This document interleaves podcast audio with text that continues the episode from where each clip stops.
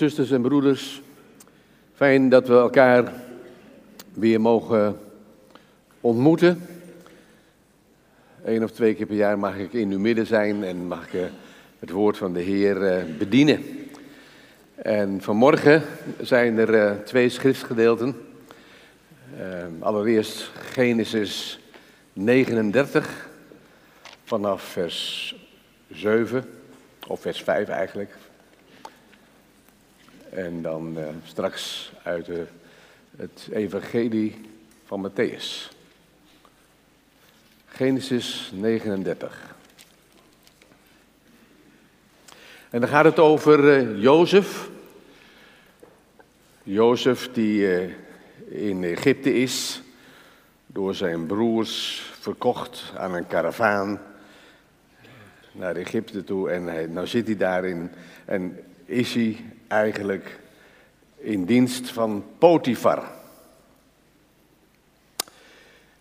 Van het ogenblik af, vers 5, dat Potifar hem over zijn huis en over al wat hij bezat aangesteld had, zegende de Heere het huis van de Egyptenaar om Jozefs wil.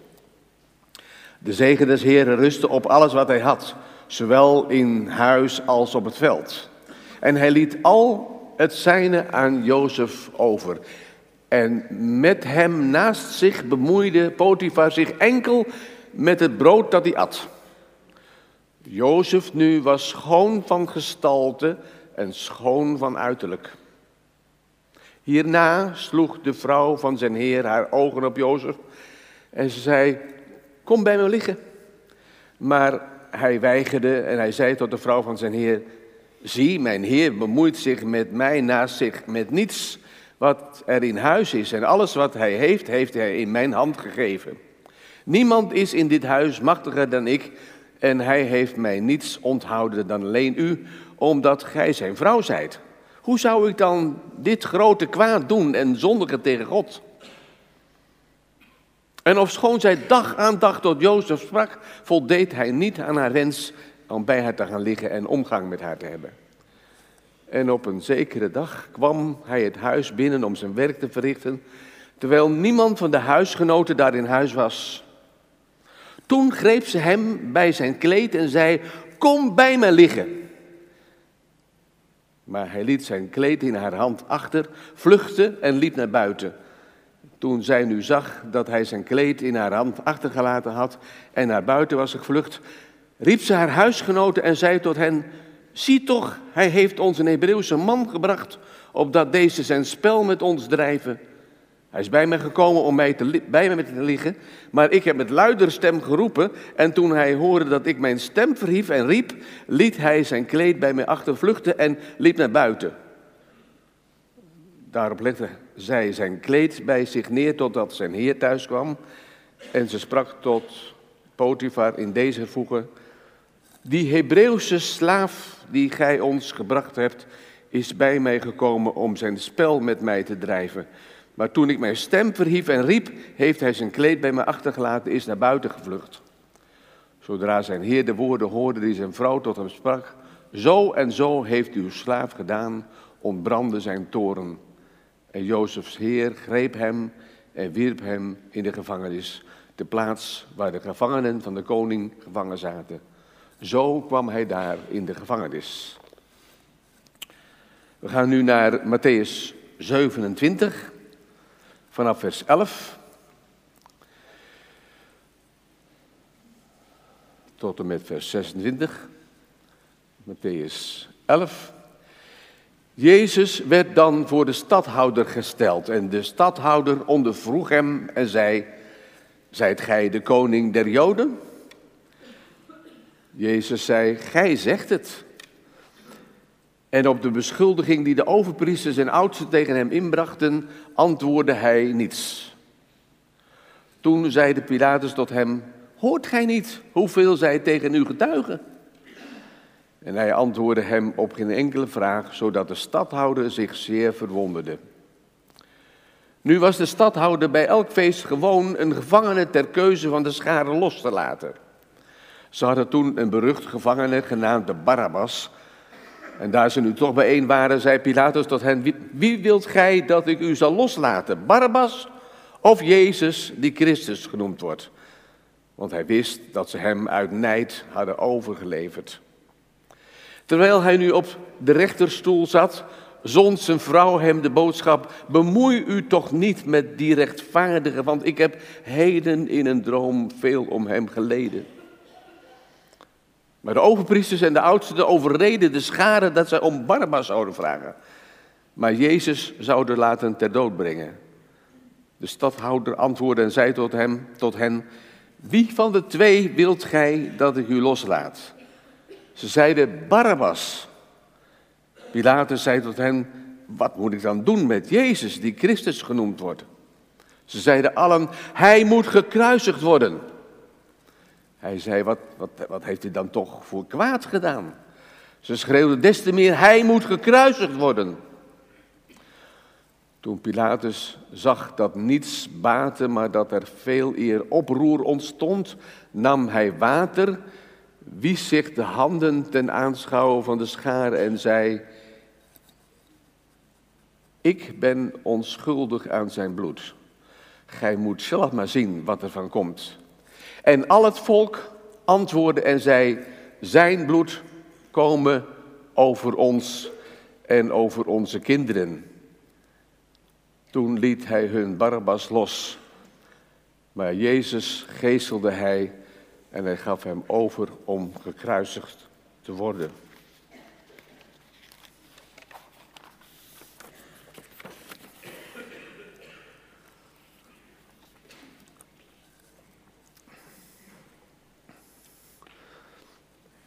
We hebben nu vanmorgen in het Leidens-evangelie die passage gelezen. Die passage van het volk voor Pilatus. Dat roept, zijn bloed komen over ons en over onze kinderen. Mensen, dat is een riskante tekst om over te spreken en aan de orde te stellen. En eigenlijk zou je er met een grote boog omheen willen lopen. Want brand je niet heel gauw je vingers aan deze woorden die een, die een, een, een, een wreed spoor van, van antisemitisme door de kerkgeschiedenis hebben getrokken. Want het lijden van het Joodse volk door de eeuwen heen, twintig eeuwen lang, is voor een groot deel terug te voeren op de woorden van deze tekst. Zijn bloed komen over ons en over onze kinderen. De Joden die voor Pilatus stonden, zouden namelijk hiermee een vervloeking hebben uitgesproken over zichzelf en over hun kinderen tot in verre geslachten. En vanmorgen zullen we daar uitgebreid bij stilstaan. Ik heb er ook een reden voor. Het is namelijk zo dat in allerlei berichten in kranten en tijdschriften uh, het er langzamerhand op wijst dat het antisemitisme steeds weer nu tegenwoordig opnieuw de kop opsteekt. En er was vorig, eind vorig jaar een bepaald moment dat dat heel duidelijk zichtbaar werd. Toen president Trump van Amerika het eerder, veel eerder genomen besluit om de ambassade van de Amerikanen van Tel Aviv te verplaatsen naar Jeruzalem. Eh, dat uiteindelijk dan toch maar te effectueren, heeft dat een enorme impact gehad in de wereld. Het riep, heftige reacties op. En in Amsterdam, u weet het zich vast nog te herinneren, was er een, een kosher restaurant aan de Amstelveense weg. Hakarmel. En de ruiten werden ingegooid. En na december dat dat gebeurde, werden er nog twee keer meer de ruiten besmeurd en weer ingegooid. En Joden in Nederland melden dat er iets gaande is. Dat er sprake is van een toenemend antisemitisme. Ook vorig jaar bij de wedstrijd AZ Ajax was het zo dat er vreselijke spreekkoren te horen waren en de Joden moesten het op een afschuwelijke manier ontgelden. En ik heb een schoonzus die Joods is. En zich nu moet afvragen hoe veilig ze nog is in Nederland. En of ze niet moet overwegen om maar te emigreren naar Israël. Um, ja, de, mijn schoonzus heeft een moeder en die is als enige van haar familie ontkomen aan de verschrikkingen van de holocaust. En die moeder van mijn schoonzus ontsprong de dans doordat ze ondergedoken heeft gezeten bij een christelijk gezin op het platteland. De rest van de familie is dus vergast. En uit allerlei krantenberichten die ik de laatste tijd verzameld heb, blijkt dat het echt zo is. Nog een bericht van Amerikanen waar ook het allemaal toeneemt, dat antisemitisme. En Leon de Winter, u kent misschien die schrijver wel, die ook nog wel eens in de wereld draait door. Uh, zelf Jood. Hij zegt, ja, het is een vreselijk monster, dat antisemitisme. En mensen, ik denk dan bij mezelf, hoe is het nou toch mogelijk dat op 14 mei aanstaande is de staat Israël 70 jaar. 70 jaar, dat wordt groots gevierd. Hoe kan het nou toch zo zijn dat er zo'n virulent antisemitisme is?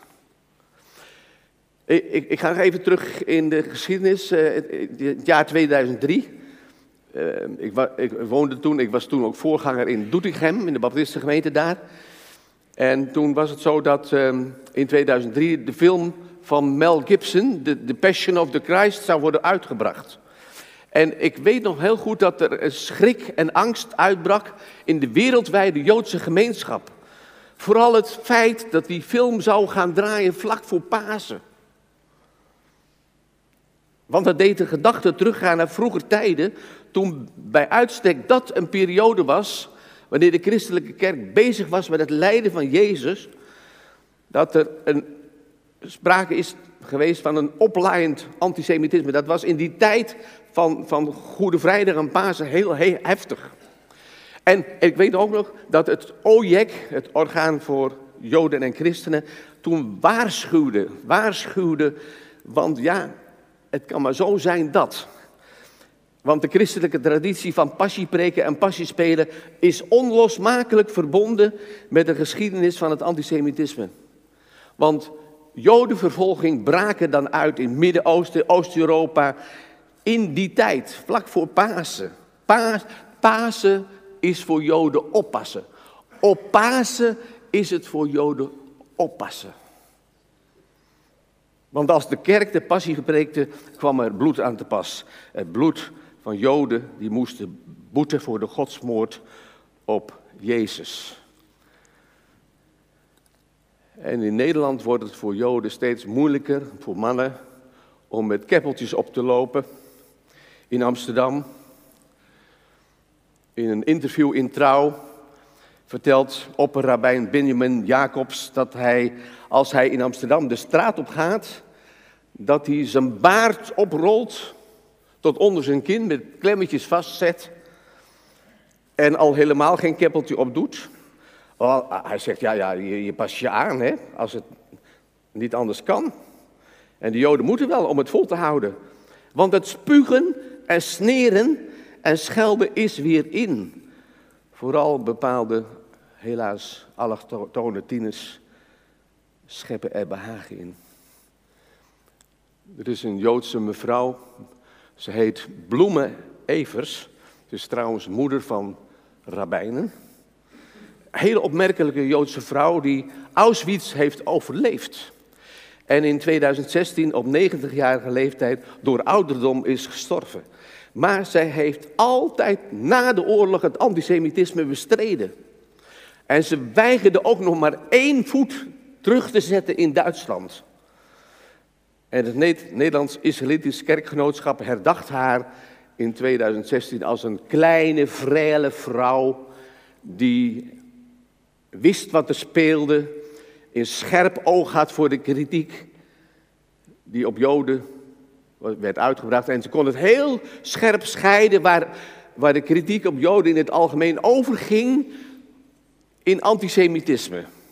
En soms zit er antisemitisme in het opkomen voor zaken waarvan we zeggen, nou ja, dat is toch niet antisemitisme. dat, is, dat is het dan wel, want um, zo heeft bijvoorbeeld de artsenorganisatie KNMG een aantal jaren, een actie, aantal jaren geleden een actie gestart om de jongensbesnijdenis te laten verbieden. Uit een oogpunt van bescherming van de lichamelijke integriteit. Nou, dat klinkt heel mooi. Bescherming van de lichamelijke integriteit van jongens. Eh, dat, dat, daar hebben ze aan gewerkt, aan het verbod. Um, en, en, natuurlijk wordt de moslimwereld daar ook door getroffen, maar toch is het, is het vooral de Joodse ziel die het meest geraakt wordt, omdat de besnijdenis een teken is van het verbond van God met zijn volk. En een markeringspunt is bij uitstek van de eigen identiteit van de Joden. En in de laatste jaren is er ook veel ophef ontstaan over het ritueel slachten. U bent het vast al tegengekomen in de kranten.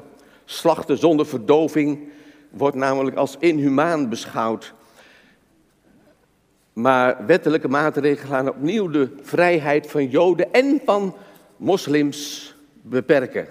Marianne Thieme is nu volop bezig om zo'n wetgeving voor te bereiden op het ritueel slachten. En die begrijpt het al wel, want Marianne Thieme is van de Partij voor de Dieren en ze komt op voor de dieren. En ja, ik snap het allemaal wel. En je kunt niet zeggen dat het nou echt om, om opzettelijk antisemitisme gaat, maar toch bij een verbod op zoiets, ja, dan, dan voel je wel aan dat, dat dat grijpt in in de Joodse gemeenschap. Maar nog bij een verbod op de jongensbesnijdenis, nog bij een verbod op het ritueel slachten, gaat het om doelgericht antisemitisme. Maar de godsdienstige opvattingen van Joden en Arabieren worden langs de meetlat van, het, van de westerse normen gelegd. En ik, ik, ik moet eerlijk zeggen dat als ik gewoon luister en kijk wat er allemaal gebeurt, ja, dan, dan, dan begrijp ik dat wel. Dat, dat in allerlei verlicht liberale kringen deze antieke godsdienstige gebruiken niet meer door de beugel kunnen. En het, de geest van het libertijns humanisme grijpt het om zich heen in Nederland. Heeft Nederland voor een deel al veroverd. Want wij weten toch met elkaar wat moreel ethisch juist is. Want door al dit soort dingen, al die wetgeving, komt, ja, komt onze beschaving weer een stukje op een hoger plan. En mensen, dat, en moet je bedenken dat de besnijdenis al meer dan 3000 jaar bestaat. En teruggaat op een inzetting van de Heere God. De God van Israël die de wereld geschapen heeft. En bloemen, Evers, die vrouw die ik zo pas al noemde, die zegt dat het antisemitisme een kwaad is van alle tijden. Het bestond al in de tijd van Haman en Esther. U kent dat verhaal wel.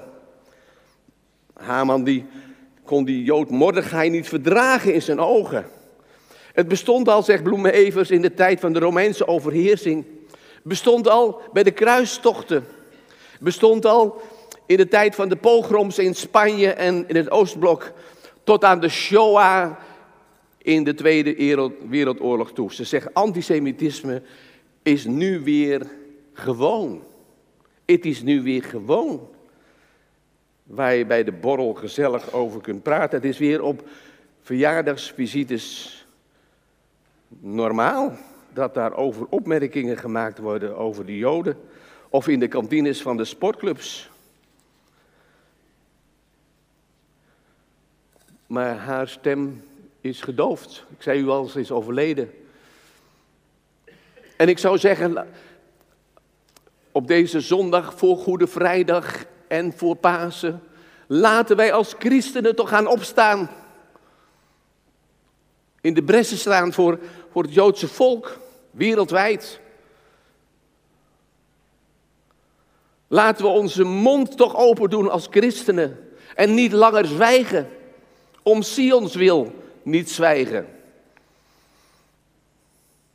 En we hebben het verhaal gelezen van Jozef in Egypte. In Genesis 39. Het is uh, ook zo'n verhaal. Hoe kan het antisemitisme ontstaan? Nou, het verhaal gaat over de vrouw van Potifar. Die ziet dat Jozef schoon van uiterlijk is en schoon van gestalte. En je voelt al aan, daar gaat het dus mis. Daar gaat het dus mis. En ja hoor, in het volgende vers gaat het dus mis. Want zij legt het er continu op aan om Jozef in bed te krijgen. En je vraagt je af, wat, wat speelt er dan bij in het huis van Potifar? Is zij een oversexte vrouw of uh, komt ze tekort bij haar man? We weten het allemaal niet. Maar op een kwa kwaaie dag zijn de condities optimaal. Want er is niemand in huis en in een alles of niets poging dringt zij zich aan hem op en ze grijpt hem vast. Nu zal het gebeuren en Jozef, ja, die, die, die vlucht in paniek, hals over de kop bij haar vandaan. En zijn jas is in haar handen achtergebleven. Weet u, die vrouw is dan van dat moment af ineens heel razend. Heeft zich gekrenkt gevoeld. Ze is vernederd en beledigd. De passie die ze eerst zo voor Jozef voelde, want hij was schoon van uiterlijk en schoon van gestalte, die slaat om in haat. En u moet dus luisteren wat er dan gebeurt. Wanneer Potifar thuiskomt, zegt ze niet, die slaaf van jou wou met mij naar bed. Nee, ze zegt, die Hebreeuwse slaaf die jij in huis gehaald hebt, die wou met mij naar bed. Hoort u? Hebreeuwse slaaf. Die Jood. Eerst weet ze niet welke kunstgrepen ze moet toepassen om die knappe man te verschalken. Nu spuugt ze op hem, die Jood. Eerst speelt nationaliteit geen enkele rol of ras. Nu wordt Jozef gebrandmerkt als een inferieur wezen, die Jood. Mensen hebben zich wel eens afgevraagd, hoe kan dat antisemitisme nou ontstaan? Mensen hier hebben daar toch een schoolvoorbeeld van. Bij de vrouw van Potifar ruiken we het gas van Auschwitz. Bij wijze van spreken. Ze werd gedwarsboomd in haar verlangens en begint te schelden. Dat wordt de ondergang van Jozef, die alles op rolletjes in het huis van Potifar deed verlopen. En zo werkt dat mechanisme steeds weer opnieuw. In de 20 eeuwen diaspora hebben de Joden steeds weer de klappen van de economische neergang moeten opvangen. De nadering van een crisis in een land werd het altijd het duidelijkst gevoeld in de Joodse gemeenschap. Dan klonken al heel gauw de scheldwoorden rotjood en Jodenstreek. En wisten leiders feilloos in te spelen op allerlei vage gevoelens van onbehagen en ontevredenheid. Onderbuikgevoelens noemen we dat. En in de stadions van AZ en Ajax speelt dat volop onderbuikgevoelens. Precies zoals de vrouw van Potifar het ook deed toen ze tegenover de andere ehm, mensen, de huisgenoten, had over die Hebreeër. Ze speculeerde op de jaloezie van dat overige personeel, dat het misschien maar moeilijk kon verkroppen dat, dat iemand als Jozef een nieuwe aanwinst hen voorbij was gestreefd. Mensen moeten de Joden nu weer vrezen dat er iets vreselijks gaat gebeuren. Weer vrezen voor pogroms en voor vervolgingen. Gaat het weer een kant op van uitsluiting en isolement? En heeft mijn schoonzus dan toch reden om te vrezen? Heeft ze een reden om een voorgevoel van angst te hebben dat ze met haar familie weer het slachtoffer zou kunnen worden? Dat er weer een nachtmerrie over het Joodse volk heen komt? Moeten er weer koffers in de gang staan onder de kapstok voor als er een razzia zou komen? Hoe veilig is mijn schoonzus Lydia Zwaan? Joodser kan het niet. Dan kun je zeggen, ja, maar dat is misschien een onbezorgde, dat is een over, overbezorgde reactie. Het is, het, eh, is, is onterecht wat, dat zij dat gevoel heeft. Dat gebeurt toch nu niet meer? 2018 zijn we toch?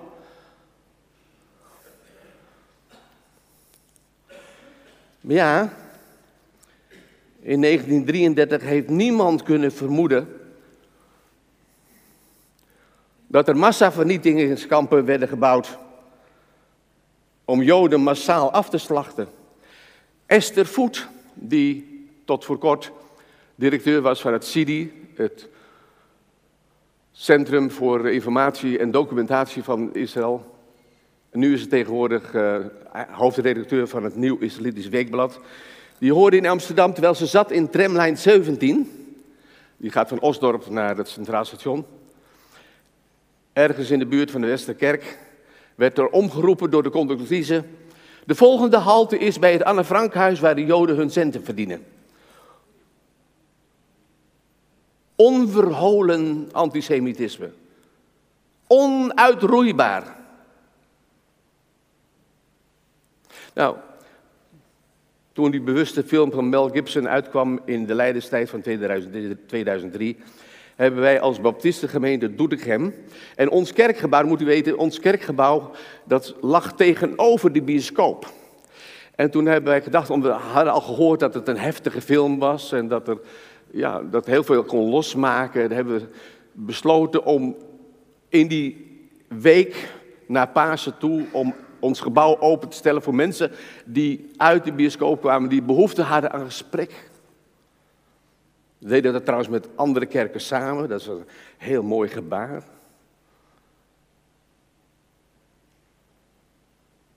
Overigens, de bioscopen in Israël zaten niet vol hoor. Die, die, film was daar niet te zien. Maar in de Arabische wereld was die film wel te zien. Er werd hij wel gedraaid, want de, ja, de Arabieren die, die wreven in hun handen bij zoveel, ja, zoveel afkeer in de richting van Israël. Maar het was eigenlijk niet nodig, want um, de Joden kwamen er eigenlijk niet zo slecht van af. Helemaal niet. Eh, eh, alle al de beelden die waren te zien, waren heel ingehouden. Het zijn eigenlijk de Romeinen die er het slechtste van afkomen. Ze waren beestachtig en laag bij de grond in hun bejegening van de Heer Jezus. Nou, natuurlijk, de oudsten en fariseeën en schriftgeleerden speelden geen glansrol en eisten wel degelijk bij Pilatus de dood van Jezus. Maar ze worden nergens karikaturaal ten tonele gevoerd. Ja, maar ze hebben toch geroepen, zijn bloed komen over ons en over onze kinderen. We hebben dat zo pas nog gelezen. Het staat er echt. En dat hebben ze toch over zich afgeroepen. Ja, in die film van Mel Gibson klonken die woorden wel degelijk. Alleen, ze klonken niet in het Engels, ze klonken in het Aramees. En het werd niet ondertiteld weergegeven op het scherm. De Nieuw-Testamenticus Dr. Lita Peerbolte aan de VU, hoogleraar, die kan letterlijk het Aramees volgen en die zegt, ja, maar ze hebben het wel geroepen in het Aramees. En hij schreef in het NRC Handelsblad dat men zo de Joden heeft willen, hebben willen sparen.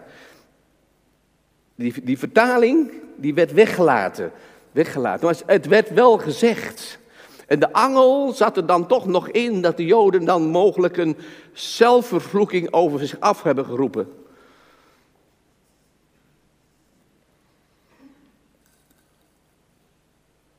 Over weglaten gesproken. Um, zeg maar, die ondertiteling die werd weggelaten van het Aramees. Wij zouden er heel goed aan doen om ook iets weg te laten.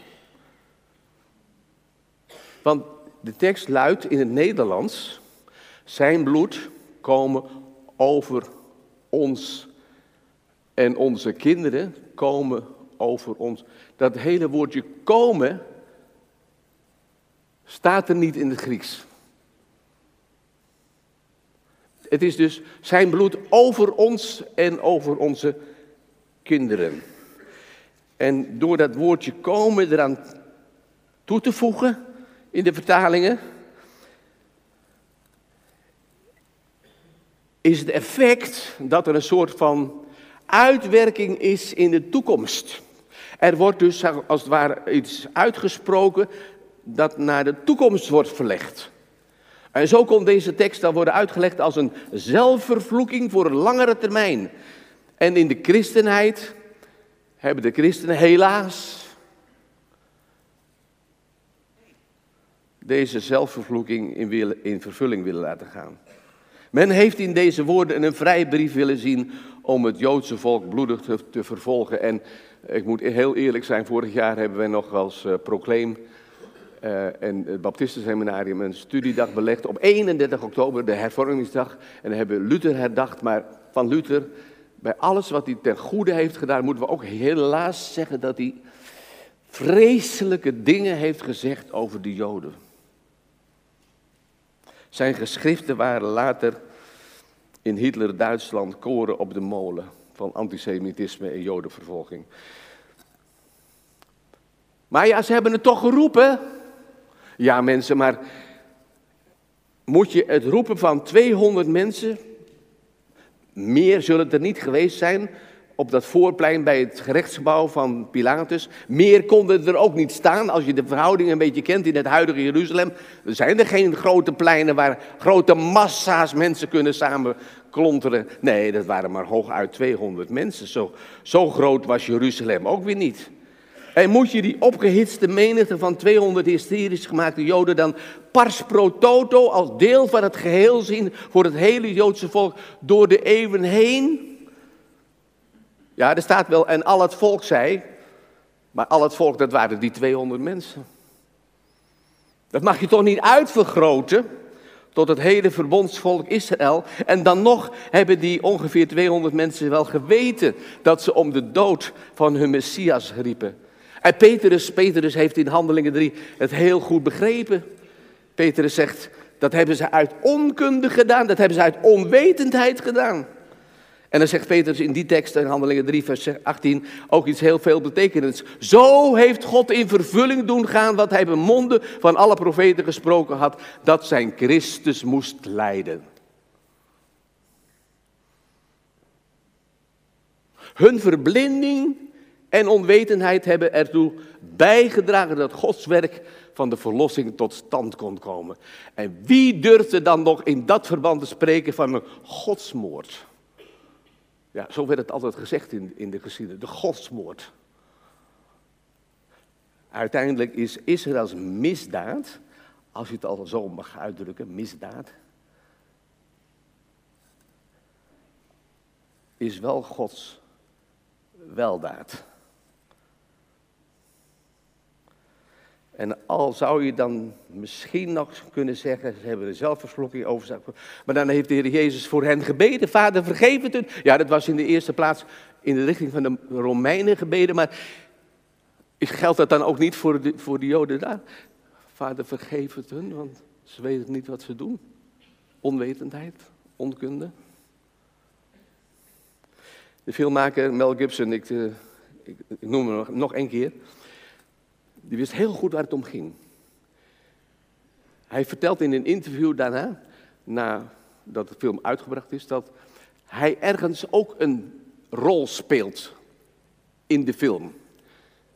En wat is dan de rol van Mel Gibson in die film? Nou, dat zijn hand in beeld kwam. Zijn behaarde hand kwam in beeld. En die hand hield de spijker vast boven de hand van Jezus. De ene spijker in de ene hand, en de andere spijker in de andere hand. En hij wilde mij zeggen, ik weet dat ik het was voor wie dat nodig was, dat Jezus stierf. En Mel Gibson die zegt dan, ja, ik ben verantwoordelijk voor de dood van, ik, ik, ik neem de schuld voor de dood van Jezus op me.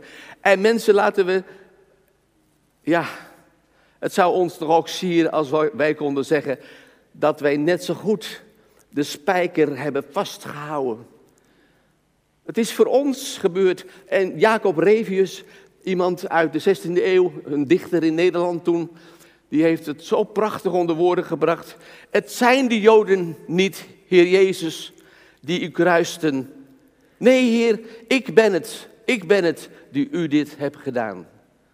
En in plaats van deze woorden op te vatten als een zelfvervloeking over zichzelf als Joden, dan moeten we toch dat niet zien als een negatieve profetie, maar dan kunnen we toch ook zien als een positieve profetie. Met andere woorden, dat de Joden daar, die 200 Joden, iets hebben geroepen wat, wat iets waars is. Ware woorden hebben ze. Zo zijn er ook heel veel ware woorden in het Leidens-evangelie te ontdekken. Anderen heeft hij gered, zichzelf redden kan hij niet.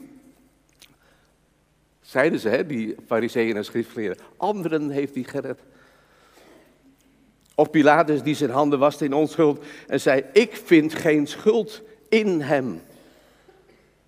Nee, maar wat Pilatus niet zag, is dat er wel schuld op hem lag. De schuld van miljoenen mensen.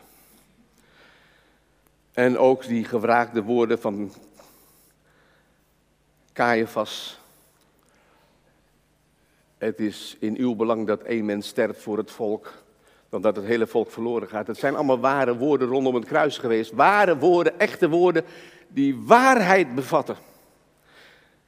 En ook die zin, zijn bloed komen over ons en over onze kinderen, dat is een ware uitdrukking, want ja, het was ook voor de Joden nodig dat Jezus zijn bloed gaf. Het bloed van uitdelging, van vergeving. Want in het bloed van Jezus is kracht, wonderbare kracht. Het is het bloed van het lam dat de zonde van de wereld wegdraagt. Van Joden en van heidenen. En in plaats van de Joden te vervolgen, had de christelijke kerk door de eeuwen heen beter voor de Joden kunnen bidden dat ze zicht zouden krijgen op hun eigen Messias, die ook voor hen was gestorven. En dat zijn offer nodig was om mensen weer bij God terug te brengen. Bidden dat de bedekking van hun hart zou worden weggenomen en zij echt Messias, Yeshua, zouden aanvaarden. Wat een verschrikking mensen dat de Joden het altijd weer is aangedaan. Wat een zegening moest zijn en is het niet zo dat we altijd in de Bijbel worden opgeroepen om Joden te zegenen, om Israël te zegenen? Ik zal zegenen wie Israël zegent, zegt God. En laten we Jeruzalem de vrede toebidden. De vrede van de Messias, de vrede die alle verstand te boven gaat. Doordat er leven is en vergeving is door het verzoenend bloed van Jezus. Israël heeft het nodig, wij hebben het nodig. Dat zijn bloed over ons komen en over onze kinderen. Wij kunnen dat ook zeggen, wij kunnen dat ook zeggen. Laat het bloed van de Heer Jezus over ons mogen komen.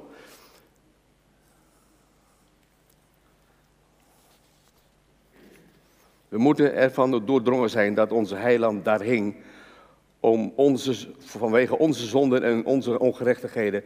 Mijn tekortschieten voor God maakte het noodzakelijk dat Jezus zijn leven voor mij gaf. De straf die ons de vrede aanbrengt was op hem. Door zijn striemen is ons genezing geworden. Jezaja, lees het maar, lees het maar. En als je al die dingen leest, dan laat je het wel uit je hoofd. Om de Joden te blameren, om een antisemitist te worden voor de dood van Jezus. Inderdaad, Jacob Revius heeft gelijk.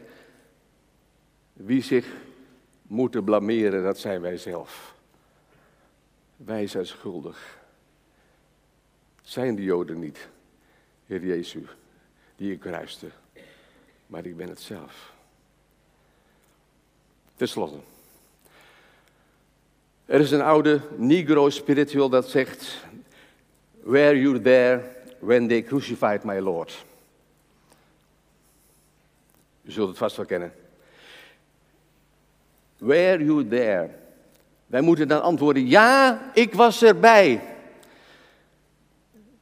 Niet als toeschouwer, niet als ramptoerist die een keer een kruisiging eens wilde meemaken om te kijken hoe dat gaat maar als belanghebbende, als participant aan dat gebeuren, als iemand voor wie het nodig was dat het bloed van de Heer Jezus, Gods Zoon, over mij kwam. Tot ontzondiging, tot verzoening, tot uitdelging van ongerechtigheid. Mensen, wilt u van zonde en van schuld zijn verlost? Daar is kracht in het bloed van het lam. Voor Joden en voor heidenen. Amen.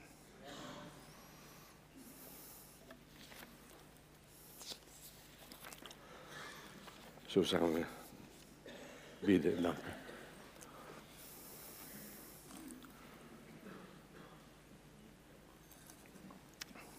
Heer onze God, we hebben gesproken vanmorgen over zo'n heikele tekst in het Nieuwe Testament.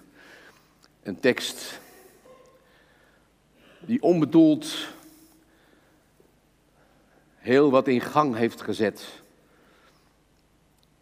Allerlei uitingen van antisemitisme teweeg hebben gebracht. Heere God,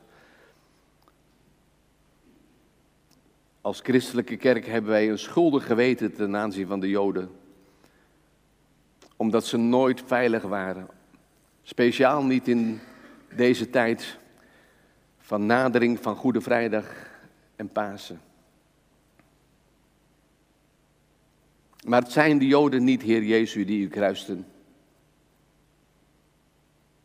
Dat zijn wij. Om onze schuld was het. Om onze zonde, die onuitwisbaar was. Nee, die kunnen we niet zomaar wegpoetsen. Daar was een offer voor nodig. Het offer van uw zoon, Heer, Heere God. Het offer van uw zoon ter ontzondiging, ter uitdelging van de schuld. Heren, laten we opstaan om onze broer Israël steun te geven. Dat het niet weer gebeurt. En waar nu de angst om zich heen grijpt in de Joodse gemeenschap, dat het niet weer gebeurt. Zoiets als in 1933.